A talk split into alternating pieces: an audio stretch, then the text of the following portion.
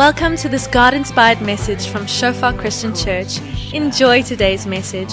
May you experience the presence of our Father and may you grow deeper in your relationship with Him. Oh Jesus, your love over Ja Here, wat wat 'n voorreg.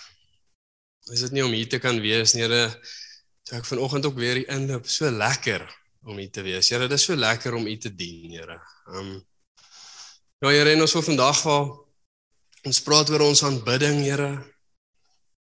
Here, wil ons sê, Here, leer ons hoe om dit te doen, Here. Hoe leer ons, Here, hoe om soos ware aanbidders te aanbid, Here, soos wat soos wat U praat in Johannes 4 van, Here.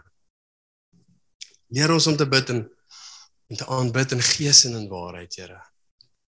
Dankie Here vir vir elkeen wat U is, Here, maar ek, ek vra regtig Here vir dat U in elke hart inpraat, Here. Dit lyk anders elkeen van ons, Here. Here, ek bid vir U wysheid. Dankie dat U goed is, dankie Heilige Gees dat U ons vrede gee en rustigheid gee en dankie dat ons ja net so bly kan wees om hier te wees. In Jesus naam. Amen. Men julle soos ek genoem het, ons praat 'n bietjie oor aanbidding. So ek het so ehm um, seker so 2 maande terug bietjie gepraat oor aanbidding en hoe dit lyk en wat dit is. So ek gaan net so bietjie net oorgaan weer oor wat ek toe gesê het, maar vandag wil ons bietjie meer fokus oor hoekom aanbid ons en hoe aanbid ons? Want ons wil rooted wees. So om gegrond te wees in ons aanbidding, moet ons verstaan hoekom ons iets doen en hoe dit dan lyk, hoe ons dit gaan doen, hè. En ehm um, ek wil vinnig net soos noem ook om gegrond te wees in aanbidding kom uit 'n plek uit. Dis dis 'n dis amper 'n 'n effek van die verhouding wat ons het met die Here. Ons gaan nie sonder 'n verhouding met die Here kan ware aanbidders wees nie. Amen. Ons gaan ons gaan uit hierdie verhouding uit wat ons met die Here het, gaan dit uitvloei in Here, ek aanbid U. En ons het ons ons is besig met die laaste deel van roete. Die eerste twee het gegaan oor tyd in die woord en tyd in gebed. En dit is daai is die kruks, julle. Tyd in die woord en tyd in gebed is is so belangrik. Dis dis waar ons verhouding bou met die Here. Nee, en dit is waar ons soos getuienis kry om te aanbid, nê. Nee, dis waar ons die kos kry om te gaan aanbid. En dit is dit is so belangrik dat ons dat ons dit onthou, dat ons onthou dit uit hierdie plek uit van Here, U het hierdie vir my gedoen. Dankie Here, en dan aanbid ons. Okay, en dis 'n dis 'n ampere respons van van hoe ons die Here ervaar. So krities eerste bo voor ek begin gebed en tyd in die woord baie belangrik. Okay. En dan volg hierdie en ek gaan vir ons vandag so 'n bietjie bietjie ook bietjie prakties wees oor hoe kan ons beter aanbid, wat werk. Jy kan self besluit, maar laat die Here jou jou lei en vertel en en in jou hart en praat soos hoe lyk dit in jou lewe. Okay. Lekker, so ek gaan vinnig net ons my vorige preek se goedjies aanraak. Die eerste een het ek 'n bietjie genoem net van om te bid in gees en in waarheid. So die uh, Jesus ehm um, sien die Samaritaanse vrou wat met hom praat en en die Samaritaanse vrou noem dat ons bid in Jerusalem en op die berg en Jesus sê nee, ons bid in gees en in waarheid. So hy verander daai ons bid op 'n sekere plek na dit gaan na iets van ons harte toe. Dit gaan gees en in waarheid. Ons kort die Heilige Gees en die woord wat die waarheid is om ware aanbidders te wees en die Vader sê ek soek ware aanbidders. OK. So baie belangrik, dan ons is gemaak om God te aanbid, né? Nee? Ons is hierso gemaak om God die glorie te gee. Dit is eintlik amazing om te dink dit is waarvoor ons created is. En as ons nou kyk en ons zoom in op 'n prentjie van jou wat aanbid, dan is dit dan is jy besig om jou purpose uit te leef, net daar. En dink net hoe sleg sal dit wees as jou hart dan nou nie in dit is nie, nê? As ons harte nou nie daar is nie, as ons dit nou maar net doen vir om hier te wees of dalk vir rotine. So krities ons is gemaak om God te aanbid met die regte hart, nê? met die hart wat, wat ons nou lekker gaan verduidelik vandag. En die derde sluit aan by die derde een. Ons benodig 'n leerbare hart van aanbidding.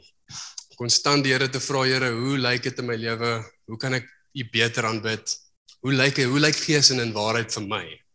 Kyk so 'n leerbare hart en om hom on konstant te bid. Ehm um, Kaal het ook vandag toe hy gesing het, het hy erns gesê soos dit kon nie wees wat die skrywer bedoel het dat ons net liedjies sing nie, nê? Dit moet 'n leefwyse wees. Dit sê baie keer soos daar's 'n oulike spreekwoord en dit bly nou maar net 'n oulike spreekwoord, maar dit sê partykeer is jy die enigste Bybel wat iemand lees.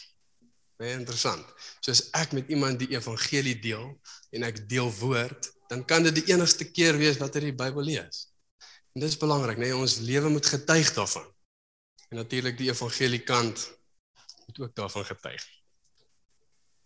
OK, so vandag begin ons met hoekom aanbid ons. Ek gaan ehm um, ek het so 'n paar skrifte, ons gaan nie fokus op een noodwendig nie, maar ek wil so 'n paar voorbeelde gebruik en dan wil ek sommer net deel oor wat die Here vir my gewys het hoekom vir my belangrik is. Hoekom aanbid ons? Wat is die grootste rede daar agter? Ons het nou gesien ons is gemaak daarvoor en die Here soek ware aanbidders en dit is belangrik. Maar ek wil so nog so 'n paar ekstra elemente bygooi. So kom ons begin sommer van Matteus 14 af vers 22.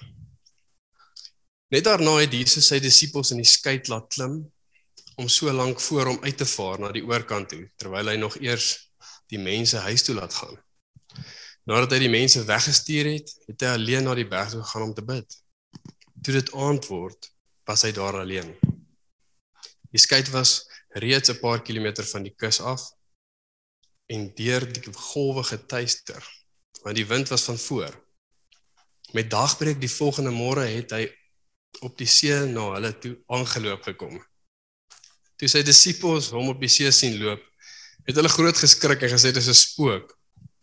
Van angs het hulle hart begin skreeu. Maar Jesus het dadelik met hulle gepraat en gesê: "Wees gerus, dit is ek, moenie bang wees nie." Toe sê Petrus vir hom: "Here, as dit regtig U is, beveel my om op die water na U toe te kom." "Kom," sê hy. Petrus het uit die skei uitgeklim, op die water begin loop en naby Jesus gekom. Maar toe Petrus sien hoe sterk is die wind, het hy bang geword en begin sink en uitgeroep: "Here, red my."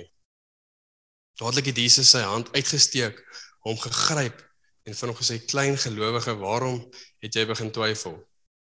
Hulle het toe in die skei geklim en die wind het gaan lê. Die manne in die skei het voor Jesus gekniel en gesê: "U is waarlik die seun van God." En dit sommer daai laaste vers, die manne in die skei het voor Jesus gekniel en gesê: "U is waarlik die seun van God." Imagine nou dit gebeur hier voor ons, hier kom Jesus in die skei en die ouens kniel en hulle sê: "U is die seun van God." Wat laat hulle dit doen? En ek dink nou net want in Engels staan daar letterlik and they worship him. Daarso is hulle besig om hom te aanbid. Hoekom nou ewe skielik? Want hy het iets gedoen né? Hy het 'n wonderlike ding gedoen. Hy het hulle het 'n openbaring ontvang van die Here af. Hoe kry ons 'n openbaring van die Here af? Belangrik, ek dink baie keer mis ons dit. Die Here is konstant besig om getuienisse in ons lewens te vestig. En ek dink dit is belangrik om om daai te soek in ons lewe, né? En dit is vir my interessant soos and they worship him. So dit sê vir my uit 'n plek van wat die Here gedoen het vir ons, né? Psalm 100 sê ook, ek gaan dit nou ook noem maar met dankliedere is ons besig om in te gaan in sy tempelpoorte en met dankliedere dankie Jesus. Dankie vir wat u gedoen het. So met daai hart in te loop. Nie net by die kerk nie, maar ook in ons lewe in. Here, dankie vir wat u gedoen het. Dis makliker dan om daai respons van ek gaan u loof, né? Nee? Nog 'n storie soos dit het sonder eintlik nou net my hier kom sê maar Mar Maria en Martha, baie mooi. Hoekom het Maria hierdie soos by Jesus se voete gaan sit? Hoekom het sy die baie duur olie oor sy voete gesit? Uit 'n plek van aanbidding. Hoekom? Want Jesus het 'n paar dae gelede haar boetie opgewek uit die dood uit. uit 'n revelation, uit 'n openbaring. Dankie Jesus. Is die olie. Judas was op daai stadium in die hoek en hy het gesê, "Kan ons hierdie nie vir die armes gee nie? Hierdie ryk olie wat wat baie duur is." En Jesus sê, "Nee. Die armes het julle altyd, maar julle het min net vir my." Dis hoe belangrik aanbidding is vir Jesus. Hy hy sê ek is net vir 'n kort tydjie gelukkig prys die Here het hy sy Heilige Gees gestuur en is Jesus het hy opgestaan so ons kan hom nog steeds aanbid. Maar vir daai op daai stadium het hy gesê soos dit is nou belangriker dat sy dit doen. Dis hoe belangrik haar aanbidding vir Jesus was. En dis belangrik dat ons kies om hierdie getuienisse te sien in ons lewe, nê, om te gaan soek en te sê Jesus, dankie daarvoor, Here. Okay, en ons harte voor te berei. So die eerste punt van hoekom aanbid ons ons aanbid die Here uit 'n plek van eerbied of toegeneentheid. Hierdie was nogal 'n gesukkel want ek het nie 'n Afrikaanse lekker woord gekry vir adoration nie. We adore you out of a place of place of adoration. Is ons besig om die Here te worship, net te aanbid. So uit uit daai plek van ons het 'n verhouding met hom. Dankie Jesus vir wat U vir my gedoen het. Ek loof U. Hè? Dan is dit sommer natuurlik. Dit is dan eens moeilik nie. Nee, en ons vergeet dit. Ons kom hier in, se gejaag. Jy begin dit, okay, ek het dit gemis. En ek praat nou net van hierdie is nou net 'n voorbeeld van die kerk, maar ons mis dit in ons lewe ook. Ek ook baie gereeld. So om gereeld daai ding te oefen. Dankie Here. En dit is oukei okay om te voel soos ek ervaar glad nie die Here vandag nie, maar dit is nie oukei okay om daar te bly nie, né? Ons wil groei, ons wil graag meer die Here waarlik aanbid. In Engels is dit mooi, the deeper our relationship, hoe dieper gaan ons worship wees, né? En Lukas 7 gaan ook oor 'n 'n 'n woman, oor 'n vrou wat by Jesus se voete gehuil het. Sy het gehuil op sy voete en sy het met haar hare Jesus se voete droog gemaak. Die Fariseer het gedink dit is vreemd want hierdie vrou is baie sondig. En maar toe sê Jesus 'n awesome ding. Hy sê die een wat wat baie vergewe is, het baie lief, né? Nee? Dis 'n dis 'n bietjie ander storie, maar dit is dieselfde amper konsep van dit wat ek gedoen het, ek's amper in tune met my sonde. Ek ek onthou van al die sleg wat ek gedoen het. Jesus se genade en uit dit uit kan ek die Here loof en as ek besig om te huil by sy voete, né? Nee? Dis awesome, né? Nee? Ons vergeet dit baie keer. Vir my nogal ek het gedink soos moet ek nou baie sonde doen dat ek, ek meer die Here lief te hê? Nee. ons moet net meer onthou. Meer onthou waaruit ons gered is, né? So mooi. OK, daar's nog so 'n voorbeeld. Jesaja 25 vers 1. Dit sê Here, U is my God. Ek wil U prys en U naam loof. U het wonders gedoen in my lewe. Dinge wat U lankal besluit het, het U volgens plan uitgevoer. En hier is dit vir my so mooi vers wat Jesaja uit waar ons moet besluit. Nog steeds besluit om die Here te volg. Here, U is my God, ek wil U prys, nê. Nee. Soos ek gaan hierdie doen. Okay, ek gaan onthou van dit wat U vir my gedoen het. U het wonders gedoen. Dit gebeur nie dit gebeur nie natuurlik nie. OK. En dit is so mooi wat en net ook laasweek gedeel ons ons kan nie God en Mammon doen nie. Ons moet besluit, né? Nee? Ons moet besluit. Daar's 'n ons gaan nou 'n deel lees waar Elia ook sê jy moet besluit. Wil jy Baal dien of wil jy God dien?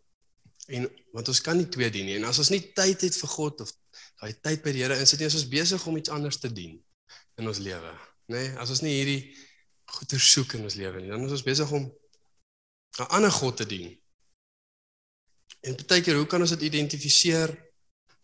Waaraan dink ons meer as wat ons aan tyd spandeer by die Here dink? Is ons dalk besig om ons titels by die werk te aanbid of miskien ons familie of ons reputasie of ons slaap? Ek like nogal slaap. Dit is nogal 'n God in my lewe. So ja, maar dis goeie goed. Hierdie goed is nie slegte goed nie. Maar dit raak sleg as goeie goeders ultimate goeders word, né? Nee? As dit 'n ultimate word, soos ja, ek kan amper nie sonder my my vrou. Dis 'n goeie ding. Maar as dit 'n ultimate ding word, is dit 'n slegte ding, né? So om te kies. Kom ons lees daai hy stuk uit 1 Konings. Ek gaan net so bietjie langer lees as wat ons hoef, net dat sodat ons bietjie die konteks verstaan. Dan gaan ek dit ook so bietjie verduidelik. Maar dit gaan oor Elia wat die twee altare bou. Ehm um, of hy hy bou een en die profete van Baal bou een. Kom ons lees die stuk. Toe stuur Agab die boodskap aan al die Israeliete. Hy het ook die profete op Karmel berg laat bymekaar kom. Elia het voor die hele volk gaan staan en gesê: "Hoe lank hou julle aan met hink op twee gedagtes, op hierdie twee ding, nê, op hierdie twee gode wat jy net besluit nie? Hoe lank hou julle aan? As die Here God is, volg hom. Maar as dit Baal is, volg hom." Die volk het hom nie 'n woord geantwoord nie. Hierdie laat ons nogal dink aan daai deel in Openbaring. Moenie warm of koud wees nie. Moenie moenie lou warm wees nie, sorry, wees eerder of warm of koud, nê. As jy Baal wil volg, volg hom, as jy Here wil volg, volg hom, maar besluit. Toe sê Elia vir die volk: Ek alleen het oorgebly as profeet van die Here, maar daar is 450 profete van Baal. Bring nou vir ons twee bulle Hulle kan vir hulle een bil kies en hom opsny en op die hout uitlê, maar hulle moet dit nie aan die brand steek nie. Ek sal dieselfde doen met die ander bil. Ek sal hom op die hout uitlê, maar dit ook nie aan die brand steek nie. Dan moet julle tot hulle God bid en ek sal tot die Here bid. Hy wat met vuur antwoord is God. Die hele volk het geantwoord. Dis goed so. Toe sê Elia vir die profete van Baal: "Kies 'n bil en maak julle hom eers gereed, want julle is die meeste. Bid dan tot julle God." Maar julle mag nie die vuur aansteek nie. Hulle neem toe die bil wat hy hulle laat kies het en maak hom gereed. Hulle bid toe tot Baal en roep van die môre af tot die middag toe. Baal antwoord ons. Daar was nie 'n geluid van hom af nie. Niemand het geantwoord nie. Hoe hulle ook al vir Baal gedans het by die altaar wat hulle gemaak het. En gaan sommer net vir ons die, die einde Elia het toe gaan bid en die Here het met vuur geantwoord en uh, Elia het toe al die profete doodgemaak. Dit is die einde van die storie. Ek wou nie die hele ding gelees het want dit raak lank.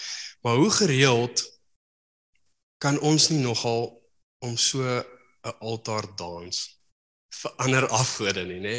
En vra dat hierdie ding ons versadig en dit gebeur nie. Die Here is die enigste een wat ons kan versadig, nê?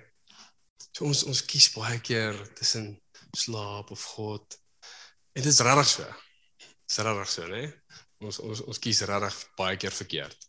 En dit bevredig nie. Elke keer as ons die Here kies, dan bevredig dit en dan sien ons dit in ons lewe. En dan is dit alweer 'n getuienis en dan kan ek nie glo ek het alweer die ander ding gekies nie, né? En kyk, is 'n voorbeeld wat Elia vir ons stel. Hy sê daar's nie 'n plan B nie. As hierdie as hierdie as God nie vandag die vuur laat kom nie, dan gaan ek dood wees. Daar's nie 'n plan B nie. Daar's net 'n plan A. God, ek's al alles vir vir U, nê? En ehm um, Jesus bring die vuur. Poef. En um, ek dink nogal Elia het nogal goed gevoel. Maar nie dat hy enige rede gehad het om goed te voel nie, maar ek meen hy het, hy het nie gesê, "Oké, okay, as jy hom so bietjie aan die brand steek of hy het gesê alles soos en ek gaan doodgaan as hierdie nie gebeur nie. Elia Elia het geweet, hy was in sink met die Here, hy tyd spandeer by die Here. And nothing else will satisfy. Soos as ek hier doodgaan is dit oukei. Okay. Soos die Here sal ek volg. Nee, nothing else in this world in this life is worthy om ons hoop in te sit nie. Nee, niks anders is waardig nie. Net die Here, net hy satisfy ons. Dit is punt 2 Ons aanbid die Here want hy is die enigste een wat ons siele kan versadig. Nee. Was nie plan B nie. Ewen goeie goeders in ons lewe. Amazing goeders wat die Here gee vir ons kan nie ons versadig nie. En ek dink altyd aan hierdie baie ryk mense dan pleeg hulle selfmoord, op dwelms en dit maak sin, né? Nee. Hulle het hulle het verkeerd gekies. En dit is interessant baie keer dat die Here sê Word wees eerder koud. As jy koud is, sal jy vinnig sien dat dit nie die pad is nie, né? Wees warm vir my. OK. So dis hoekom ons aanbid. Ons aanbid die Here uit 'n plek van dankbaarheid uit. En ons bid die Here omdat hy die enigste een is wat waardig is en omdat hy die enigste een is wat ons siele versadig. So as, as ons enigsins iets anders gaan aanbid in ons lewe, dan gaan dit nie goed uitdraai nie. Ons gaan depressief wees, ons gaan bang wees. So kom ons gaan na hoe moet dit lyk? So as ons dit reg doen, is dit nou gesê hoekom hoe lyk ons aanbidding en ons gaan so 'n bietjie meer prakties wees is vir my lekker. Ehm um, te chat oor wat werk baie keer en ehm um, maar kyk in jou eie lewe ook soos soos wat werk vir jou. So as eerste punt, hoe moet ons aanbidding lyk? As ons aanbid, dan blok ons alles uit wat ons aandag aftrek. As ons hier inloop en ek is heeltyd besig om te kyk na die kriketelling, dan gaan ek die die doel mis van die oefening, né? Nee? Dan sê ek maar net hier want dit is nog 'n Sondag. En ons wil nie dit doen nie. Nee. Ewen om rond te kyk. Dit was nogal vir my 'n ding. Om rond te kyk, wat doen die ou langs my? As ons as ons aanbid. Dit is moeilik. Soos waar is ons fokus, nê? Nee? Fokus op die Here. Blok alles uit. En ek verstaan natuurlik kinders met ouers. Ag, ouers met kinders. Dit sou weird wees. ouers met kinders. Genade. Ehm um, dit is dit is natuurlik ja, dit is challenging, maar maar rail chat, chat mekaar, op beurte, maar as ons hier is, is ons intentioneel, nê? Nee? Intentioneel en by die huis natuurlik aanbid by die huis meer. Dis dis so lekker om Here te aanbid. Ek sê nou die dag as ek by 'n pel en ons ek haal die gitaar uit en ons bid en hy sê vir my dis om kragtige weapons wat ons het, nê, nee, toe ons nou klaar geaanbid is. Dit was so lekker. Ek doen dit nie baie meer nie, nê. Nee. So om dit meer te doen. Ons blok alles uit en as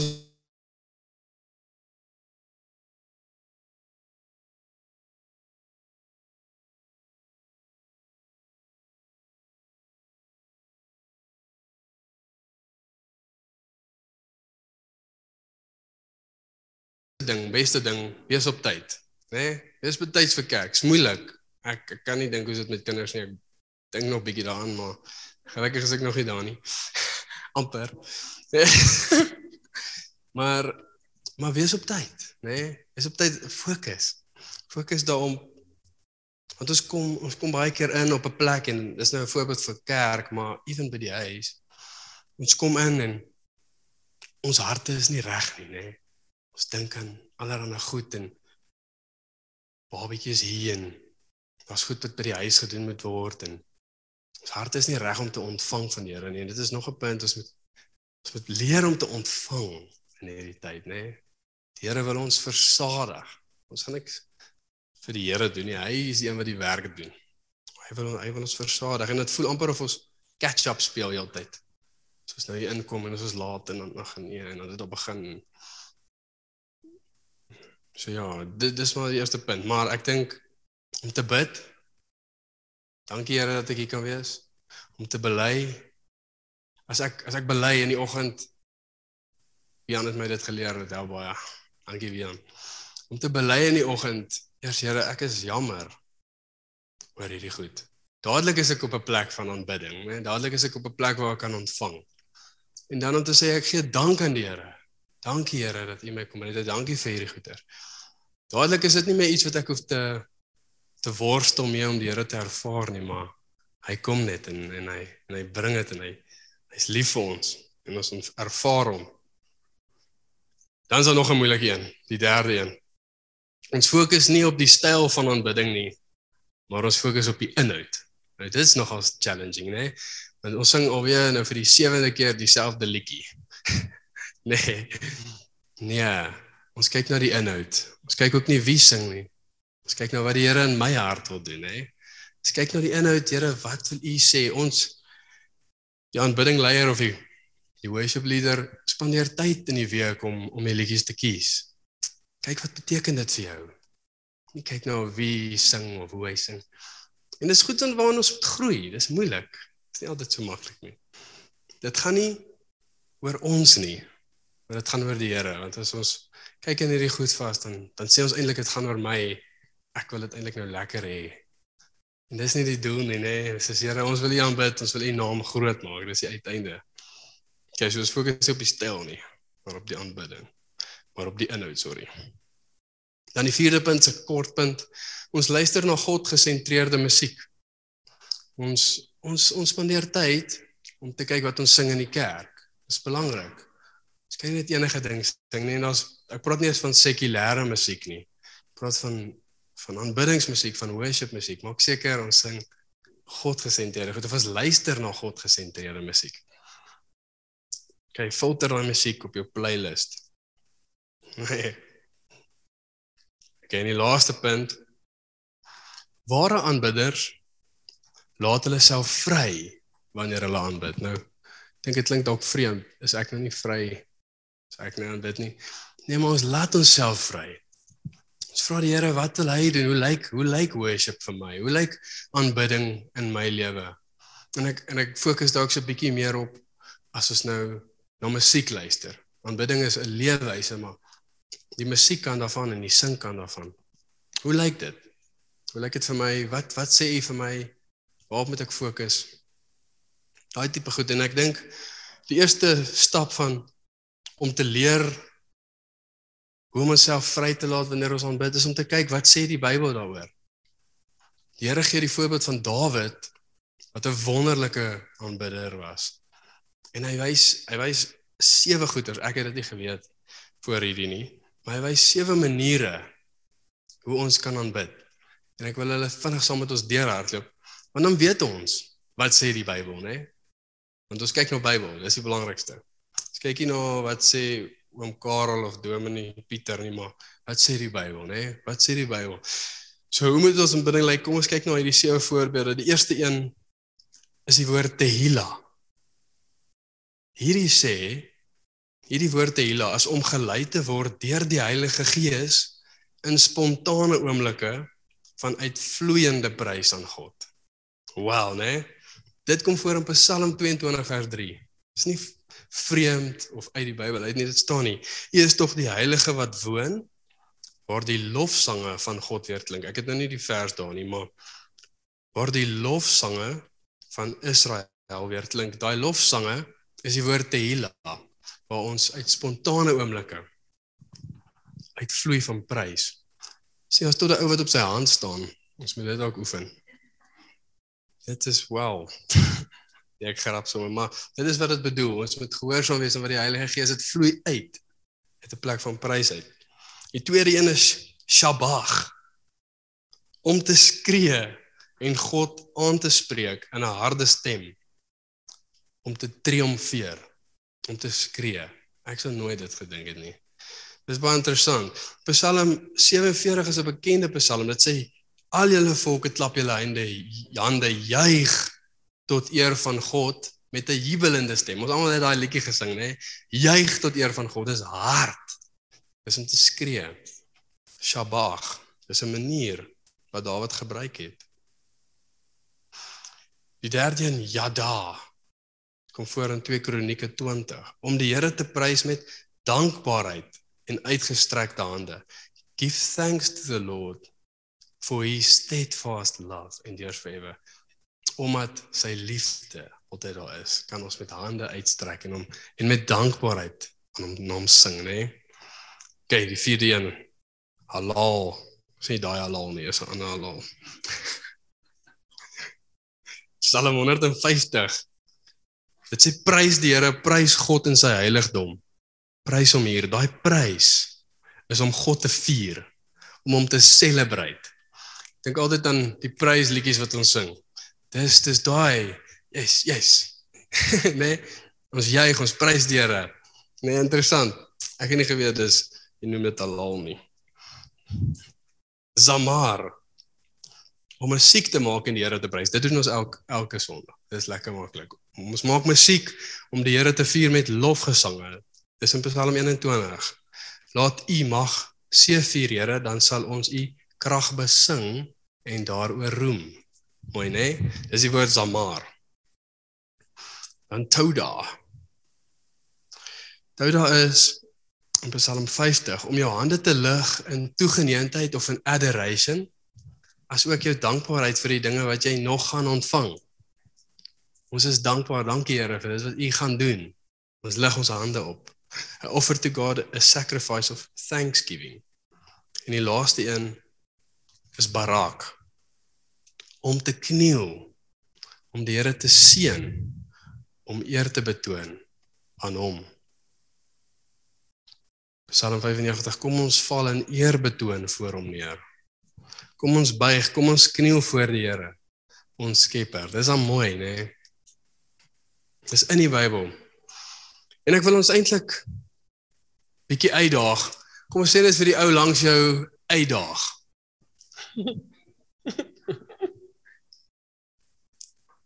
Ek wil julle uitdaag met 'n stelling. Dit sê Dink julle as ons waarlik aanbid, gaan dit dan in soos hierdie lyk elke keer. Soos een van hierdie of ons moet skree of ons moet kniel of ons moet hande lig. Dis 'n dis 'n moeilike vraag en ek dink hierdie vraag is noodwendig so maklik om te sê ja of nee nie. Maar ek dink die antwoord is as ons voel ons onderdruk iets wat die Heilige Gees op ons hart lê omdat ons bang is wat iemand mag dink. Dan weerhou ons onsself van baie goed nê? Nee?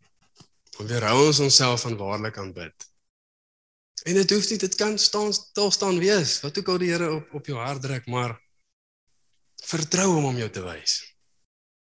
En vra hom hoe lyk dit? Hoe lyk dit vir my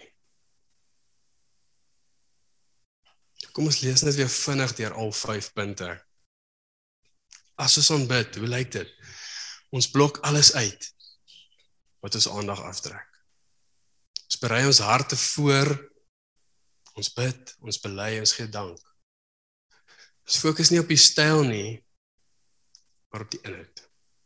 Ons luister na God-gesentreerde musiek en ons laat onsself vry soos wat die Heilige Gees ons lei.